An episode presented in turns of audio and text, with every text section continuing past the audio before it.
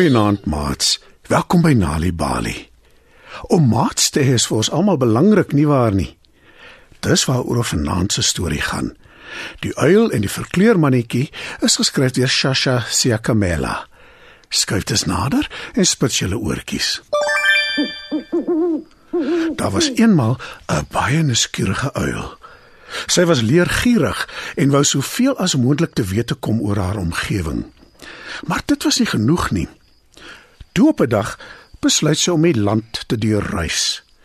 En sy besluit om te begin by Limpopo provinsie, iewers waar sy nog nooit was nie.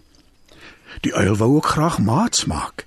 Sy wou nie alleen wees tydens haar reis nie, maar sy het ook geweet inwoners van Limpopo kan haar baie vertel van hulle omgewing.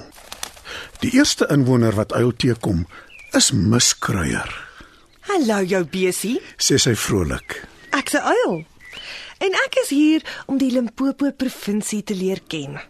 Sal jy asseblief my vriend wees en my alles wat jy weet vertel van jouself en van die omgewing? Ek is 'n miskruier.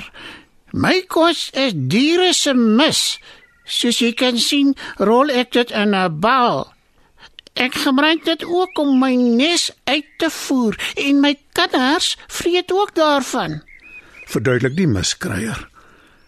Ek is heeldag op soek na veral beesmis en my oë is meestal op die grond. Ek reis ook nie eintlik ver nie. Ek stel voor jy vra liewer die vink uit. Sy weet baie meer van die omgewing. Die uil bedank die Miskruier en groet haar. Toe vlieg sy weg en gaan soek die vink. Toe sy hom kry, groet sy vriendelik en stel haarself voor. Liewe Vink, sal jy asseblief my vriend wees en my meer vertel van die omgewing hier in Limpopo?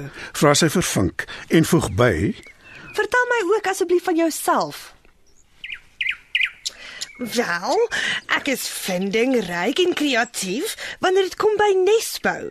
Dis 'n ingewikkelde proses en dit verg harde werk. Ek maak takkies, stokkies, gras en riete bymekaar en dan vleg ek 'n nes. En ek doen dit oor en oor want my wyfie is soms nie tevrede met die eindproduk nie.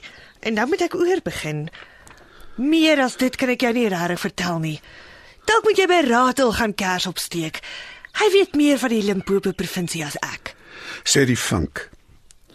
Uil bedank hom, groet en vlieg weg op soek na Ratel.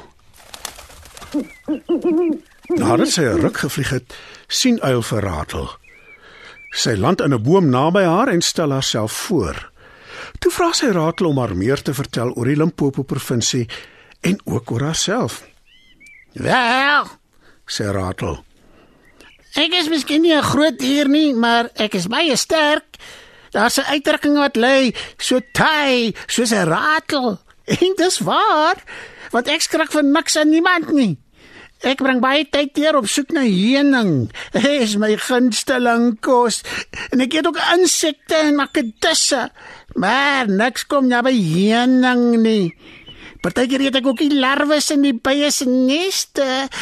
As jy wil kan jy saam met my kom en kyk hoe ek bye neste en heuning uitsniffel. Maar veel meer kan ek jou nie vertel nie. Ek het nog nooit juis probeer uitvind oor die omgewing nie. Wat jy ook kan doen is om vir kleermannetjie te vra. Nee, daar is nou vir jou 'n interessante soort akedus, want hy is 'n soort akedus. Uil is baie opgewonde oor die inligting. Sy bedank Ratel en toe vlieg sy weg om te kyk of sy vir kleurmannetjie kan opspoor. Hoewel Uil al heel wat te wete gekom het oor miskruier en vink en Ratel, is sy tog effens hartseer omdat sy nog nie 'n vriend gemaak het nie. En sy weet ook nog nie veel van die Limpopo provinsie af nie, want nie een van die drie kon haar juis iets vertel van hulle omgewing nie. Maar toe sien Uil vir verkleurmannetjie op 'n tak sit. Sy gaan sit langs haar en sê: Hallo verkleurmannetjie. Ek is 'n uil op besoek aan jou provinsie. Ek wonder of jy my 'n paar dinge kan vertel oor Limpopo. En as jy wil, kan jy my vriend wees en my sommer van jou ook vertel. Verkleurmannetjie kyk Uil op en af. Toe sê hy: Van myself kan ek jou heelwat vertel. My vel is besonder want dit kan van kleur verander. Toe skiet hy sy lang tong uit. Uil kyk verwonderd daarna.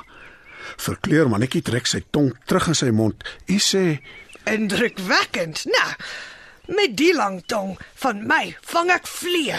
Dis taai en hulle klou vas daaraan. Wanneer verander jou vel van kleur? "Wil Uil weet."